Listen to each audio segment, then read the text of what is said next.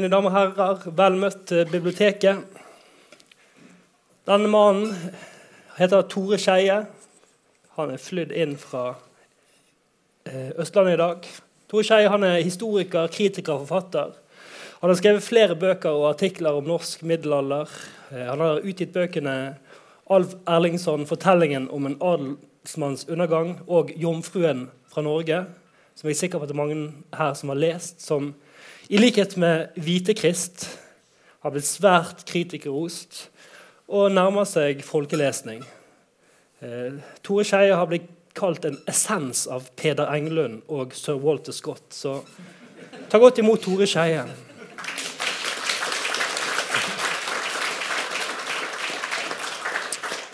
Eh, dette er altså 'Kongens tid 1', står det. Og det tyder på at dette er en serie. Eh, kan du fortelle litt om bakgrunnen og, og veien videre for, for, denne bokserien? Ja. Eh, altså eh, Dette er jo den første av eh, en planlagt serie på fem bøker. Eh, som jeg skal tilbringe de neste ti årene eller noe sånt på å skrive ferdig. Eh, så det er et ganske stort eh, prosjekt fra Gyldendal Forlag sin side. De kontakta meg for, eh, for, ganske lenge siden Da. og foreslo dette her. Og så brukte jeg ganske lang tid på å bestemme meg for om dette var noe jeg egentlig ville gå inn på. Fordi det var jo en, en ganske lang dom, på en måte. og en ganske stor forpliktelse å ta på seg. Men det er jo da et konsept der Eh, jeg i fem bøker som hver handler om, eller som hver følger eh, forskjellige middelalderkonger i norsk historie, skal prøve å gi et eh, sånn helhetlig bilde av norsk middelalderhistorie gjennom deres fortellinger. kan du si. Og hvilke konger eh, det blir, det allerede bestemt og det skal komme ut hvert år, eller? Nei da. Nei, nei, det blir jo ferdig når det blir ferdig, ja. må jeg nesten si. da. Men, uh, men jeg har jo planlagt de, ganske, de, de bøkene som kommer, Eh, noen mer nøye enn andre. Eh, spurte om hvilke konger det skal være. Ja, Du kan godt få rammes opp de hvis du vil. Ja, altså, dette, er jo da, dette er jo da Olav Haraldsson, bedre kjent som Olav den hellige, som er den første, eh, første boka her. Og så fortsetter jeg med bok nummer to, som er Harald Hardråde. Som var hans uh, yngre halvbror. Så blir den tredje boka den blir om Sigurd Jordsalfar. Han som er mest kjent fordi han reiste på korstog. Og så er det Eh, en bok om kong Sverre, den mest mystiske kanskje av alle middelalderkonger. Og eh, den siste boka som skal avslutte alt dette her, det er en bok om Håkon Håkonsson, som eh, eh døde på 12, tidlig på 1260-tallet. Og som eh, ble den mektigste norske kongen av alle norske konger i middelalderen. Mye å skrive og mye å se fram til for oss. Eh, dette er altså fortellingen om Olav Digre Haraldsson og da ikke nødvendigvis Olav den hellige. Eh, for de som har lest den, så vet dere at han slutter med en cliffhanger rett før Stiklestad, selv om vi kanskje no vet hva som kommer til å skje der. Men altså så, dyrkes, nei, så levnes ikke dyrkingen av um, skikkelsen eh, Ettertidens dyrking av skikkelsen levnes ikke mye plass. Kan du fortelle litt om disponeringen her? Ja, Nei, altså Dette har vært den vanskeligste boken jeg har skrevet. Og jeg tror kanskje det kommer til å forbli den vanskeligste boka i mitt forfatterskap. Fordi at Olav Haraldsson på mange måter den, Han er vel den mest kjente personligheten eller figuren fra nordisk middelalderhistorie, men samtidig utrolig vanskelig å gripe. Og det er jo fordi at han like etter sin død, noen få år etter sin død, ble helgen erklært. Og eh, det ble begynnelsen på et helt bemerkelsesverdig religiøst og kulturhistorisk fenomen, nemlig dyrkingen av eh, helgenskikkelsen Olav den hellige. Som, eh, som senere da, sant, ble vår nasjonalhelgen.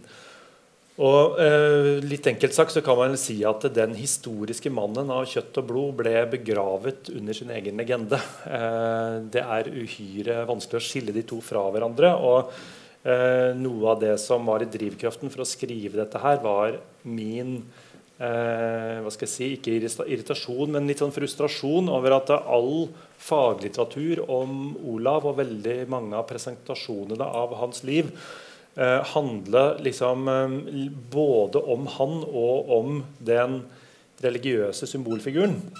Veldig vanskelig å skille hva som var hva. Og, eh, og det er kanskje fordi at det er prinsipielt veldig vanskelig å gjøre. Uh, men det er det jeg har forsøkt å gjøre i denne boka. Altså Bore igjennom det religiøse og det symbolske, og så prøve å etablere et dokumenterbart bilde av hva vi kan si om Olav og det livet han levde. Mm. Uh, og Deri så ligger det valget da med å utelate slaget på Stiklestad. Jeg tenkte at det er For det første så er det det eneste alle vet fra før. Så det er det eneste som ikke trenger å være med. Uh, for det andre så er jo det begynnelsen på den forvandlingen uh, som på en måte hører hjemme i en annen historie. Så jeg skal, jeg skal skrive om helgenmyten, men jeg skal plassere det i der jeg synes det hører hjemme, nemlig etter Olavs død i, i senere bøker. Men da er vel sjansen stor for at du gjerne begynner neste bok på Stiklestad? Sjansen er nok til stede for det. Da er det jo eh, Harald Hardråde det skal handle om. Og han var jo, eh, eh han var jo med på slaget på Stikkestad, han også. Eh, Olav den hellige saga var den første Snorre skrev i Heimskringla. Og også den desidert mest omfattende. Han bruker jo enormt mye mer plass på på Olav den hellige enn noen av de andre kongene. Og regnes jo av mange som Snorres hovedverk. Eh, og denne boken Her begynner du nettopp med, med Snorre. Eh, kan du fortelle om dette valget? Ja. Eh, det, er, det, skyldes litt forskjellige eh, forhold. Eh, for det første så er det min måte å unngå å skrive et langt og akademisk forord der jeg tar, eh, tar for meg sagahistorie og kildekritikk eh, osv. Og, så og så på en måte heller baker det inn i premisset for hele historien ved å skille på en måte ut, eller gjøre leseren bevisst på at eh, sagaenes eh, Olav-skikkelse er en litterær konstruksjon. Eh, og at den er, den er, problematisk. og Den er ikke noe speil eller noe bilde eh, eller vindu inn i, inn i fortida. Eh, den ble til en annen tid. Eh, det hører med i denne fortellinga.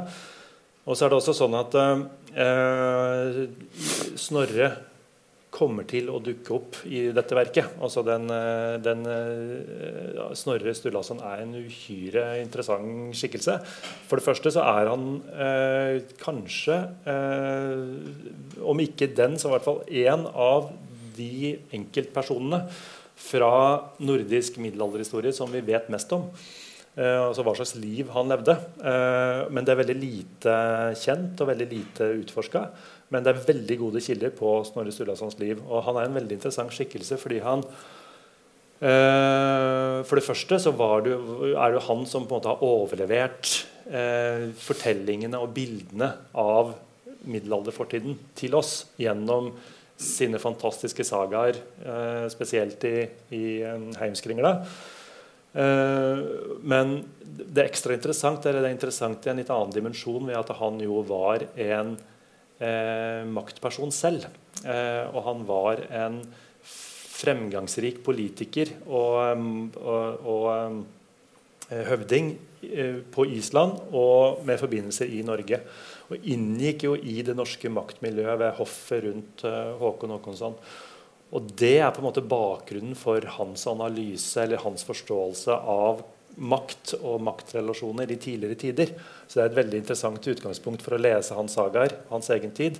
Og så uh, er jo Snorres sagaer veldig interessante fordi at han er Én ting er at han forteller hva som skjedde med kongene, eh, og, gir oss en kronologi og eh, begivenhetenes gang.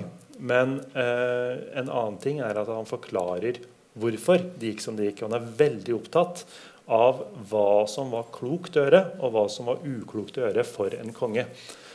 Slik at de er nærmest sånn studieobjekter for, uh, i politisk håndverk.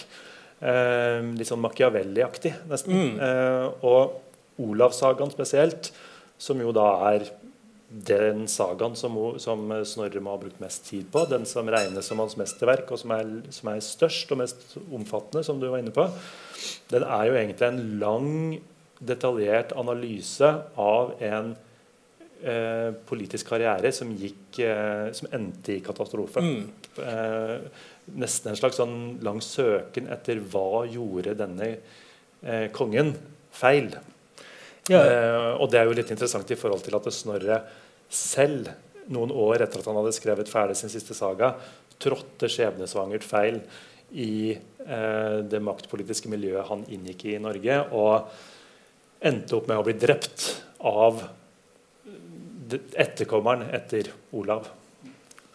Det er jo en litt sånn litterær ironi i, i det. Eh, og det som gjør Snorre nesten moderne, det er jo nettopp at, at det er nesten en sånn utviklingsroman der han eh, liksom spekulerer, om ikke vilt, så ganske heftig i psykologien til Olav. Og du antyder et sted at, at Snorre mener at kanskje Olav den hellige manglet en viss fleksibilitet eller en Eh, han har manglet en evne på, eh, til å inngå de nødvendige kompromisser som, gjorde, som kanskje førte til hans fall. Mm.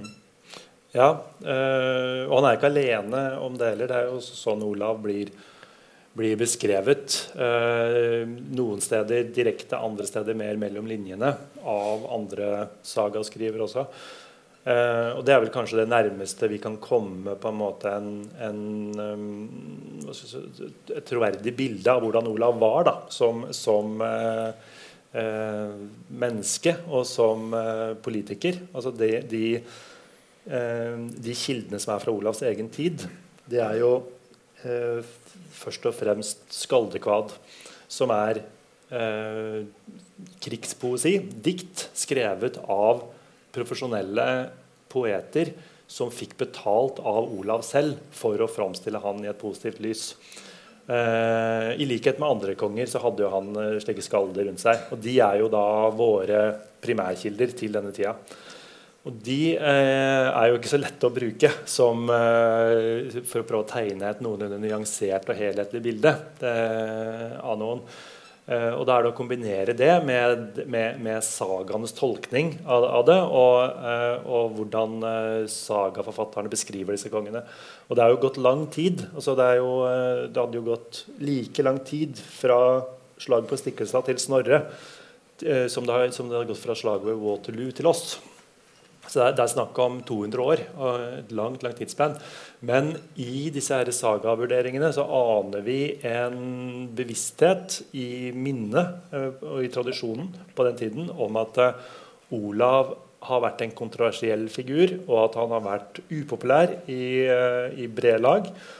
Og at han har vært um, brutal, og kanskje har da um, eh, mangla det som kanskje var den avgjørende egenskapen for en middelalderkonge, nemlig det å eh, vite når man skal straffe og slå hardt til, og når man skal eh, belønne og tilgi og forsone. En sånn kombinasjon av eh, å være Uh, altså En middelalderkonge hadde en veldig veldig vanskelig jobb.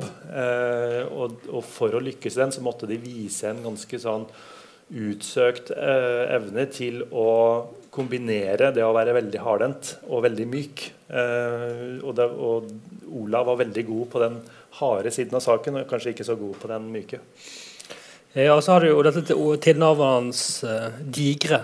Mm. Som uh, jo noen har onde tunger har sagt at det var fordi han var liten og feit. Mm. Og Hallo Laksen sa jo, mente jo at det var fordi han hadde den største rumpen i, i Norden. Men eh, la oss prøve å tegne et, et bilde av Prøve å etablere et bakteppe mm. her. Eh, et kapittel så åpner du med setningen Olavs tidsalder regnes i dag som et stort og viktig vendepunkt i Europas historie. Hva ligger i dette?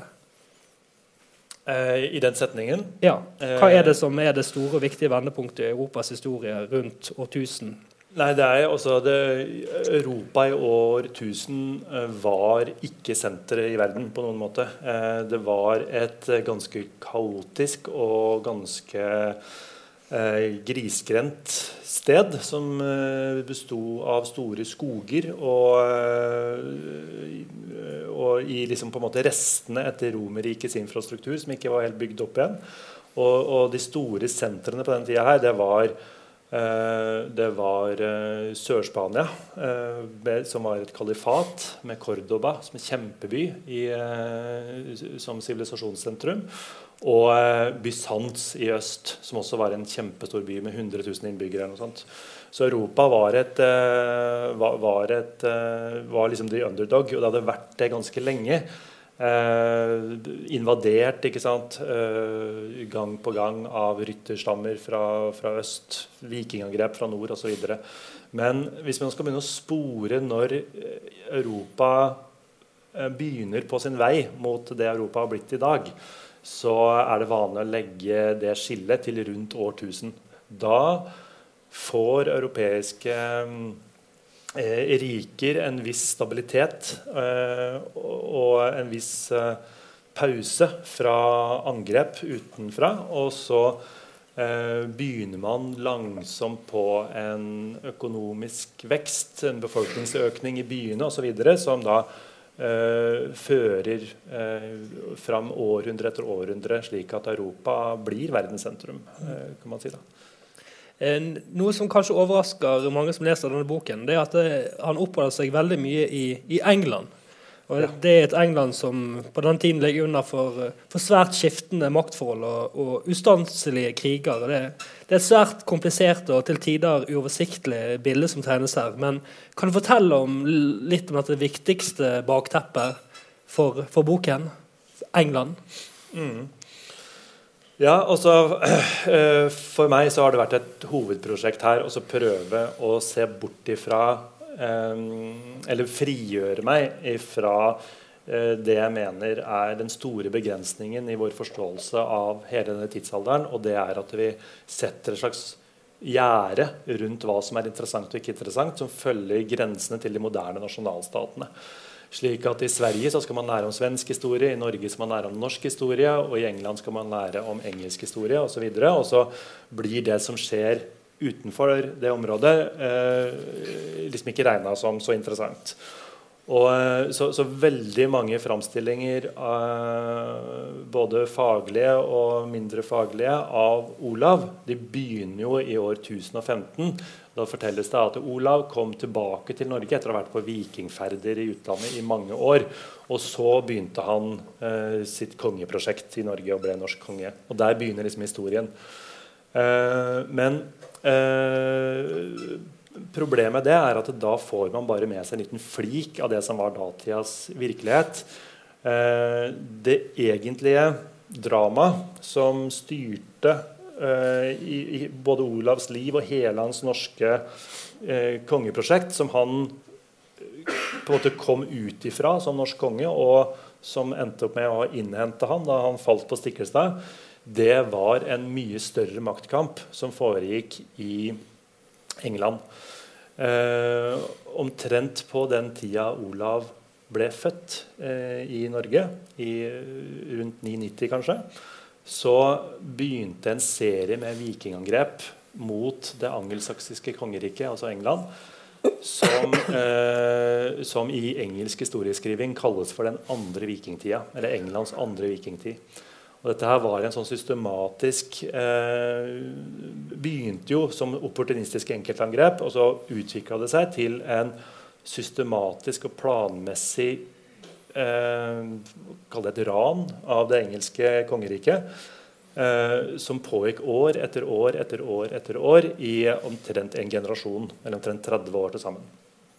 Eh, så hvert år så ble England angrepet av store skandinaviske hærer som var ledet av danske konger, men som eh, hadde jo da både nordmenn og svensker og krigsherrer fra Norge og Sverige i, i rekkene.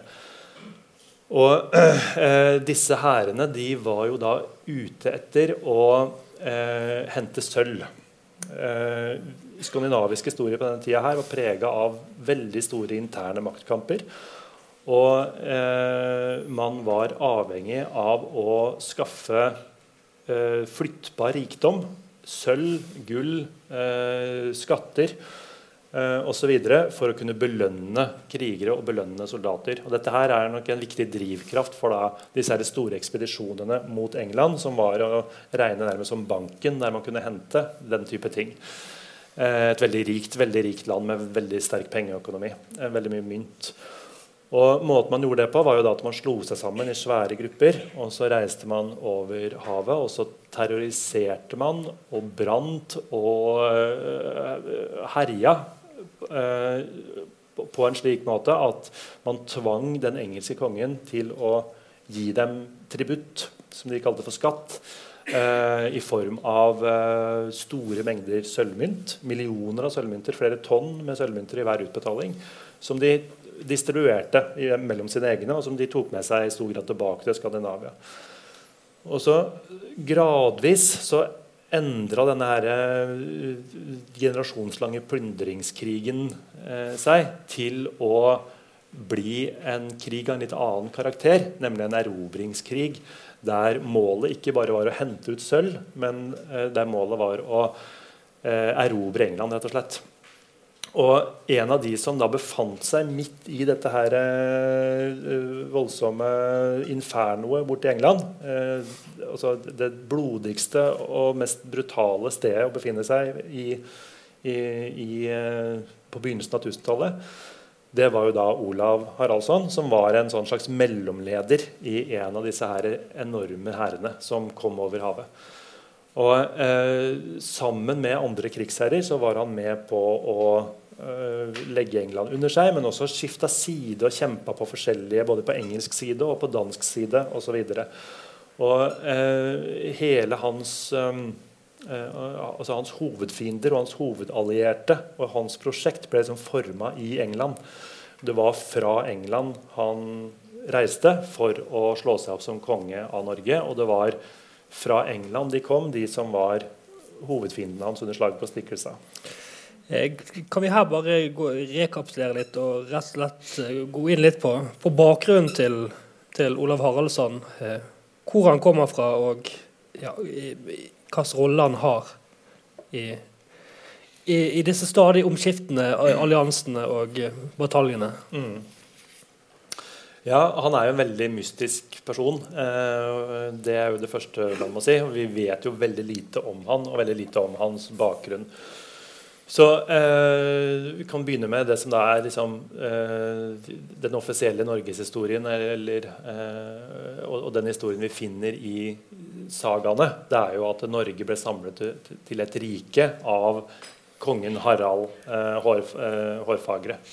Som, og, og, som, da ga det videre til sine sønner. Og så gikk det i arv. Og så langt ned på den slektslinja finner vi da Olav Haraldsson, Olav den hellige osv. Denne her, øh, slektslinja den er antageligvis konstruert i ettertid. Og, eh, og, og, stemmer veldig dårlig med det moderne fagfolk øh, finner. Da. Så på Olavs eh, tid så fantes det jo ikke noe etablert norsk rike. Det fantes ikke noe Norge som noen gang hadde vært samla under Harald Hårfagre f.eks. Harald Hårfagre styrte antageligvis bare Vestlandet i sin tid, eh, 100 år før Olav. Og eh, Olav han kom fra Viken, det som det ble kalt for Viken. og Det er en betegnelse på Oslofjordområdet. Eh, dagens eh, eh Oslo-område opp mot Mjøsa eh, og, og bredden av Oslofjorden på både øst- og vestsida. Det var ikke et norsk eh, land, kan man si. Altså, Norge, i den grad det gir mening å snakke om Norge, var eh, Vestlandet og Trøndelag og områdene langs kysten oppover mot, mot Nord-Norge. Eh, mens Viken det var danskkontrollert og hadde vært det i veldig lang tid. Danske overkonger hadde myndighet der, og lokale ledere, eh, lokale familier, de styrte under et slags dansk overherredømme. Og i en veldig mektig familie i Viken, eh, som vi vet veldig lite om, så ble da Olav født som kongesønn. Sønn av en mystisk eh, vikingkonge som ble kalt for Harald Grenske, som kom fra vår tids Telemark. Eh, så han ble nok født som danskekongens mann. Eh, og var nok danskekongens mann på en eller annen måte fram til han da, etter mange år i vikingferder eh, og på forskjellige eventyr langt utenfor hjemlandet, vendte tilbake igjen og med masse gull og sølv fra utlandet for å prøve å slå seg opp i Skandinavia. Eh, han dekker jo et helt enormt geografisk område. Eh, mm. Kan du fortelle litt om eh, hvor langt rundt han er? Hvor langt han reiste? Ja, ja. Eh, ja han reiste kjempelangt. Eh, som mange av disse folkene gjorde. Altså han, eh, vi kan spore ham gjennom eh, både hans egne skalders skaldekvad, som har en god del stedsnavn, spesifikke stedsnavn i hyllestdiktene sine. Men, eh, og en del av disse her lar seg krysskontrollere med informasjon i europeiske krøniker og analer fra eh, samme tidsrom. Som gjør at vi med ganske stor presisjon og sannsynlighet kan rekonstruere det. Eh, så han dukker først opp i, på, en serie med vikingtokt i Østersjøen, der han antageligvis var så langt øst som i Novgorod i dagens Russland.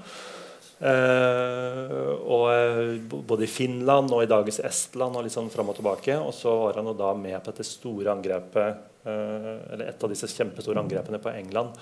Der han uh, kriga i tre lange år som ung mann, som leder for en hæravdeling fra Viken-området. Antageligvis under dansk overhøyhet igjen. da.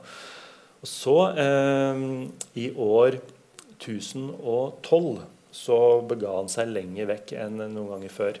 Da var det en midlertidig fredsavtale i England. Eh, og veldig stor pengesum ble utbetalt til de norske og danske vikingene i England.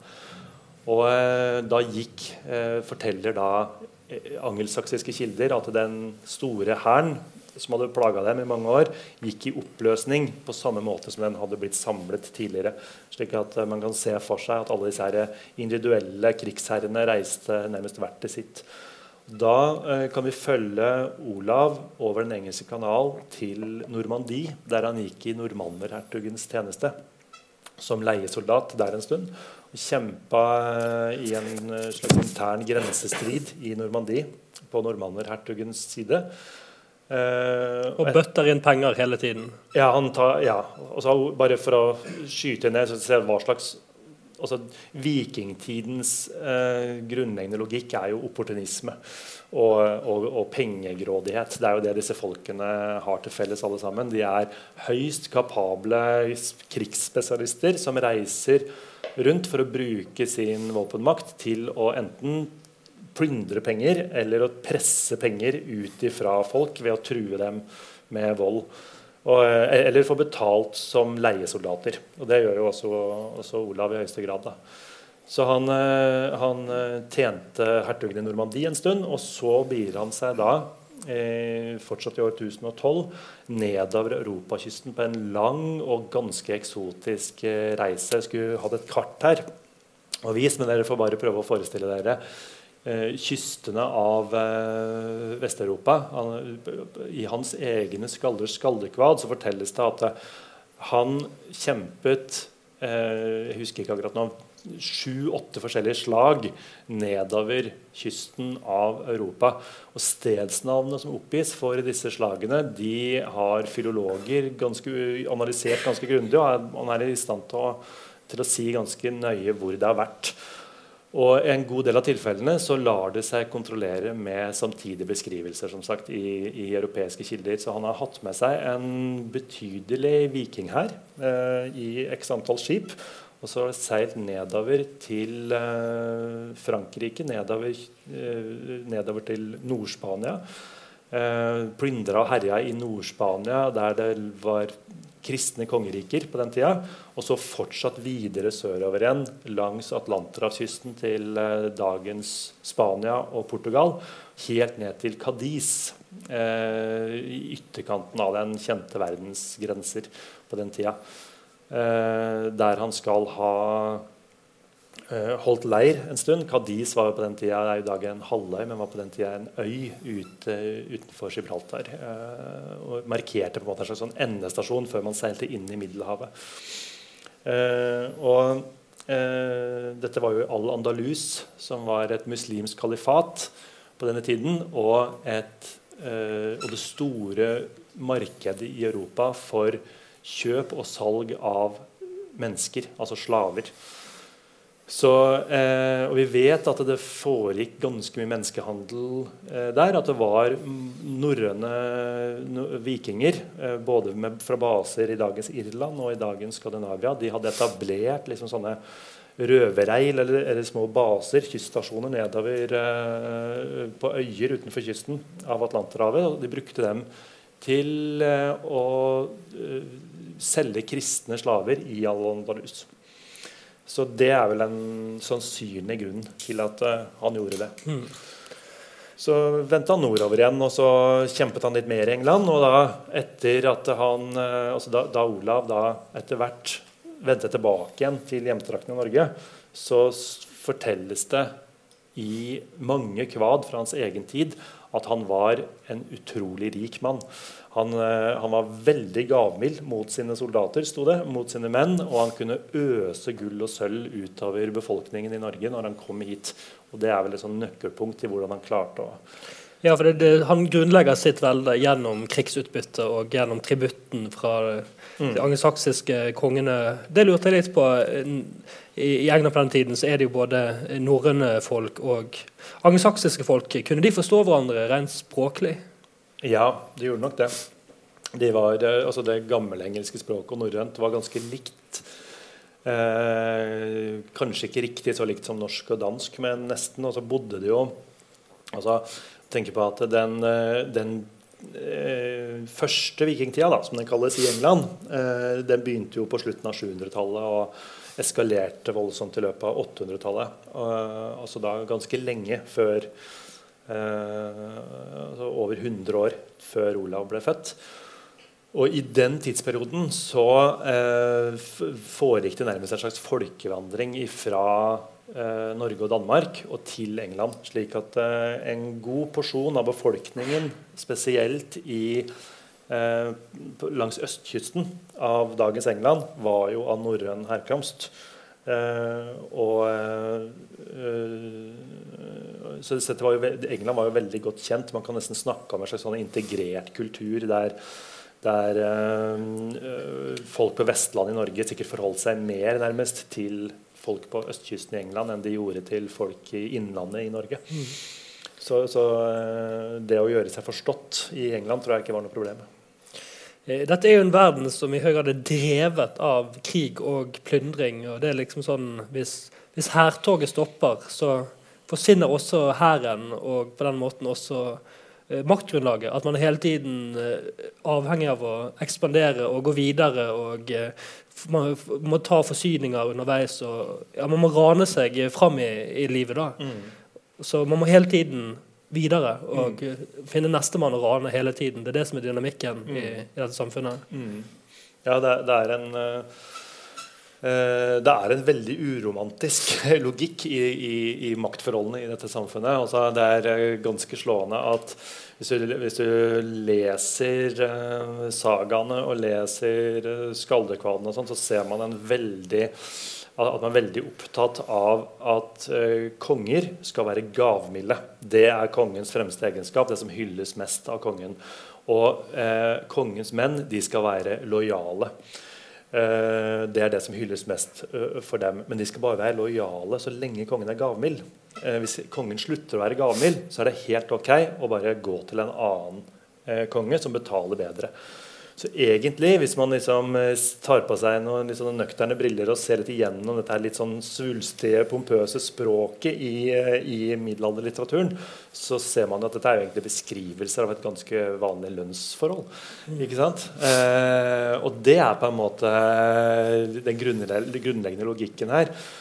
Og Gjennom vikingtida så foregikk det en forandring av samfunnet. Eh, Skandinavia hadde i lang, lang, lang, lang tid vært et, et jordbrukssamfunn. Det forble et jordbrukssamfunn tvers gjennom hele middelalderen. Men i, eh, på en litt endra måte. I jordbrukssamfunnet, så, eh, eller i, i eh, folkevandringstida og eh, fram til middelalderen, så var det jord som var liksom den store verdien. Som, eh, og det var kontrollen over jord som bestemte om noen hadde makt og innflytelse eller ikke. I løpet av vikingtida så ble det i større grad kontrollen over flyttbar rikdom eh, som kunne brukes til å lønne eh, folk. Penger, eh, gull og sølv eh, osv. Og det er jo jakten på det du kan kalle betalingsmiddel, da, som driver en måte en del av, eh, av vikingtida framover. Og på den tida her så ser man da at Olav han er én av en ganske tallrik klasse med lignende typer.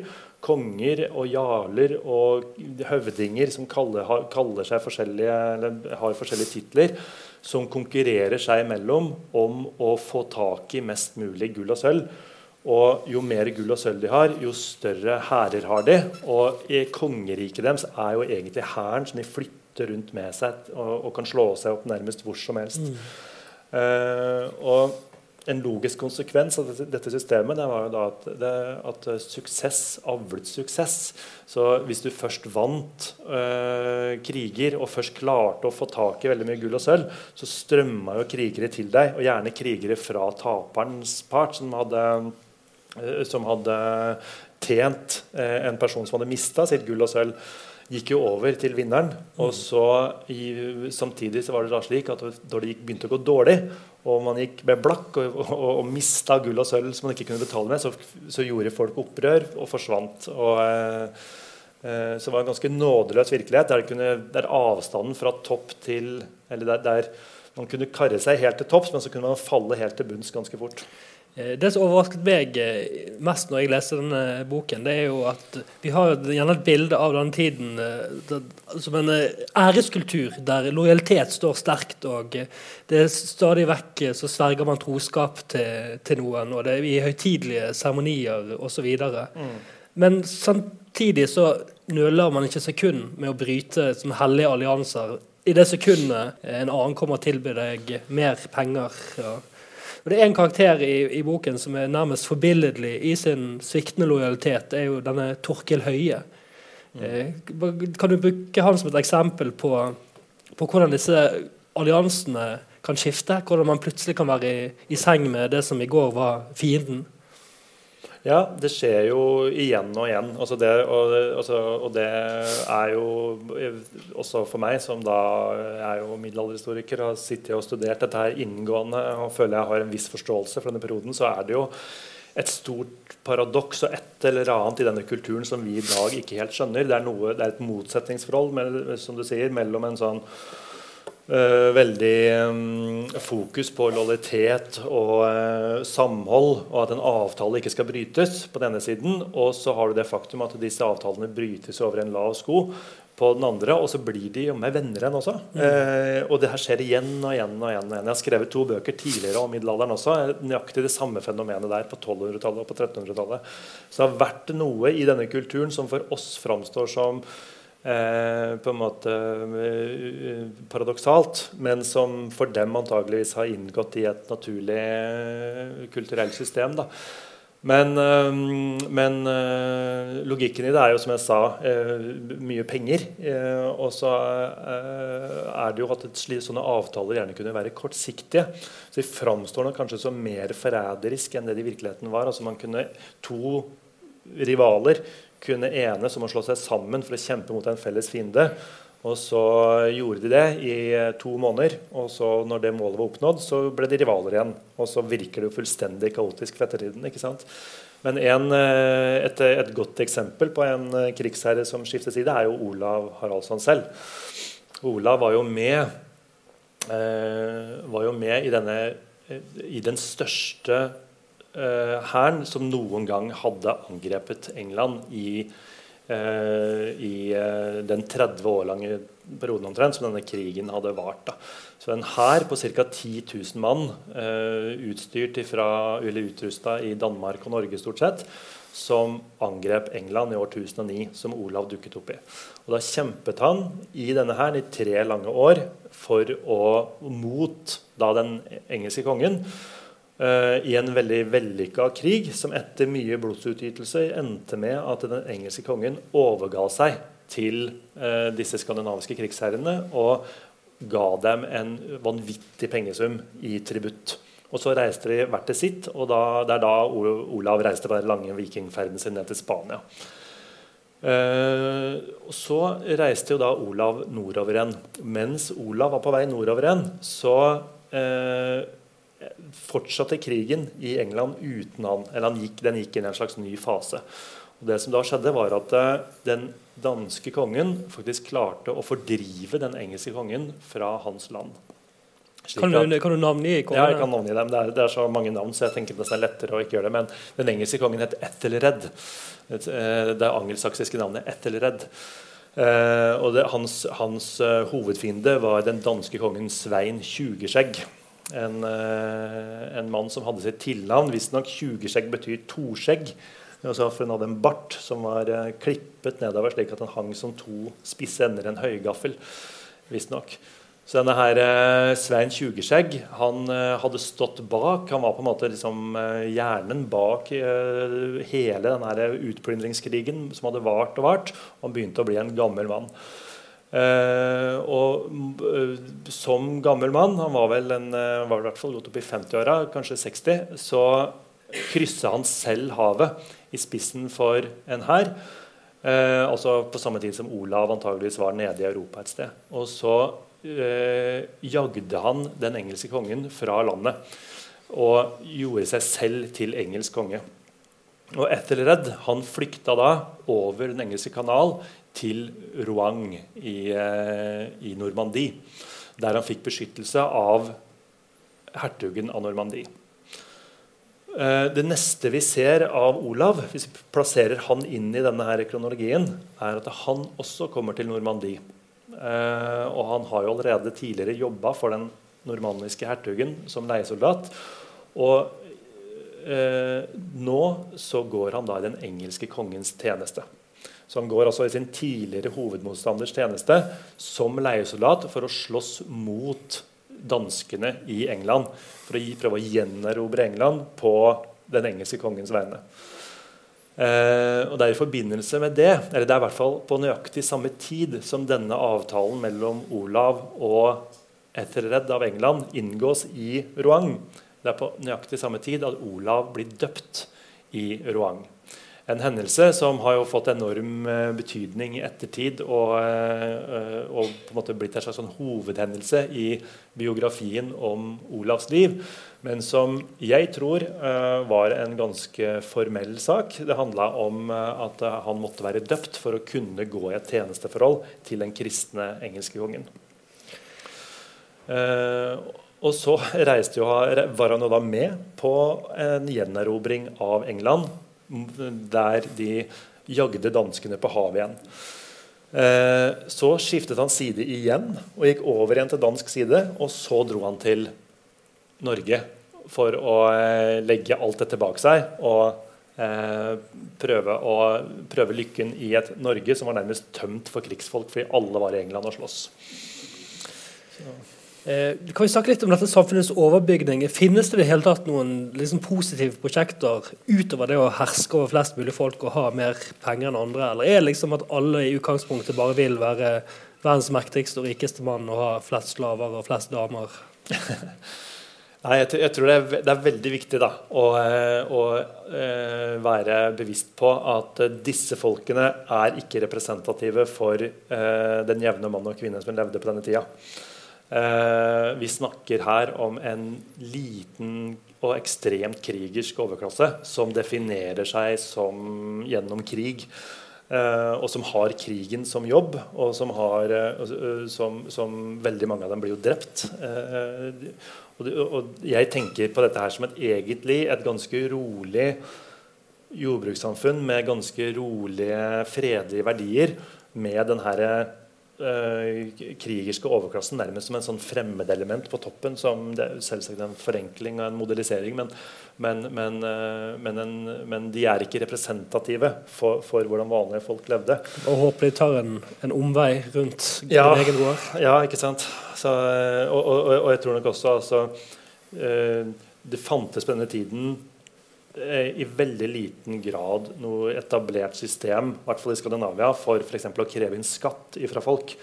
Eh, skatt, det var altså Forholdet mellom denne krigerklassen på toppen av samfunnet og vanlige folk eh, var altså Vanlige folk klarte seg selv i veldig stor grad. Og det fortsatte det egentlig å gjøre gjennom hele middelalderen. Det fantes ikke en stat eller noe, noe som kan ligne på en moderne stat, som griper inn i, i hverdagslivet til vanlige folk. Kongen var en eh, Kongen var en fjern skikkelse med kanskje en maktapparat bestående av noen få hundre personer. Eh, som reiste rundt i landskapet som et sånn omvandrende sirkus omtrent. Eh, og innimellom var han der, innimellom var han der. Og da spiste og åt de. Og og eh, kunne blande seg litt inn i lokale forhold og sånn. Eh, og så reiste de videre, og så fortsatte livet, dagliglivet sin gang. Så, så, dette er jo ikke noen bok eller noen framstilling av livet på den tiden. Og det er jo ikke i kongesagaene eller noe Problemet er at alle disse vanlige folkene har vi jo Vi kjenner jo ikke navnet på dem. ikke sant? Alle vi har hørt om, er jo, tilhører jo den her krigerklassen. Når du skriver som du var inne på nå, at eh, den praktiske maktøvelsen er en evig reise det er liksom sånn, At den praktiske maktutøvelsen er en evig reise. Så det er nettopp dette at sirkuset mm. går fra gård til gård og, og mm. spiser gården tom, og så er det mm. videre for å vise at man er der. Mm. Eh, du kommer med en interessant bemerkning, nemlig at Europas befolkning var, var ung. ikke sant? At mange av lederne som tok beslutninger, var unge. Så da kan man si at dette er liksom brushodenes tidsalder, på et vis. Ja, det kan man jo nesten tenke seg. Altså, Olav, Olav var, I, i kongesagene så var Olav tolv år gammel da han dro på sin første vikingferd. Det er vel eh, kanskje ikke så sannsynlig at det er sant. Det er en litt sånn sjangerklisjé at når man ble tolv, så, så, iverksettes ting i heltens liv i, i den norrøne litteraturen. Men eh, det er ingen tvil om at han var ung. Han var sikkert under 20. Uh, og det gjelder jo veldig mange av disse skikkelsene, at de legger ut som veldig unge. Og så kan man jo tenke seg selv, da, ikke sant? Altså, man bare bruker fantasien litt og, og så tenker seg konsekvensene av det som var realitetene. Her har du da et krigerfellesskap bestående av uh, Olav, folk han har vokst opp sammen med, uh, andre bekjentskaper. Alle sammen er menn, og alle sammen er krigere. Og de, har, de lever i en i en kultur som jeg tror ville sjokkert eh, et moderne menneske hvis vi hadde møtt dem i sin opptatthet av krig og vold. Og så reiser de på vikingtokt, og så blir de faktisk på og så reiser rundt på, i disse her krigene og eh, slavehandel antageligvis osv. Og, så og de er omgitt av hverandre, menn. Og de er unge, det er unge menn i militæret. Alle, alle menn som har vært i militæret, vet jo litt hvordan militærkulturen er bare på brakka i Norge noen måneder. ikke sant? Å tenke seg det i år etter år etter år eh, og flytte seg rundt i denne kulturen. Jeg tror de har vært eh, litt av noen folk. eh, vi må komme til, til tittelen, som jo nesten kan mistenkes å være en ironisk tittel. Mm. Eh, for i denne tapningen så møter vi jo en, en kristendom som er, er veltilpasset uh, maktens behov, så å si. At uh, dette at én legitim makt eh, er samlet i én gud, det er også en religion som, som passer godt for ambisiøse konger. Og at for i det hele tatt være med i spillet, så må man ha det avgangstempelet som, som dåpen er. Så eh, og Det store paradokset som ligger i hele historien her, det er jo at en sånn skip 4 fikk en sånn enorm eh, fikk et helt, et helt annet ettermæle enn enn han kanskje fortjente. For dette er jo en kristen mann som ikke nøler et sekund med å, å brenne ned Canterbury, som er den engelske kristenhetens viktigste by. det, Hvor finnes liksom den, den kristne moralkodeksen, eller finnes det en helvetestro i all denne konstante eh, og spektakulære eh, voldsbruken?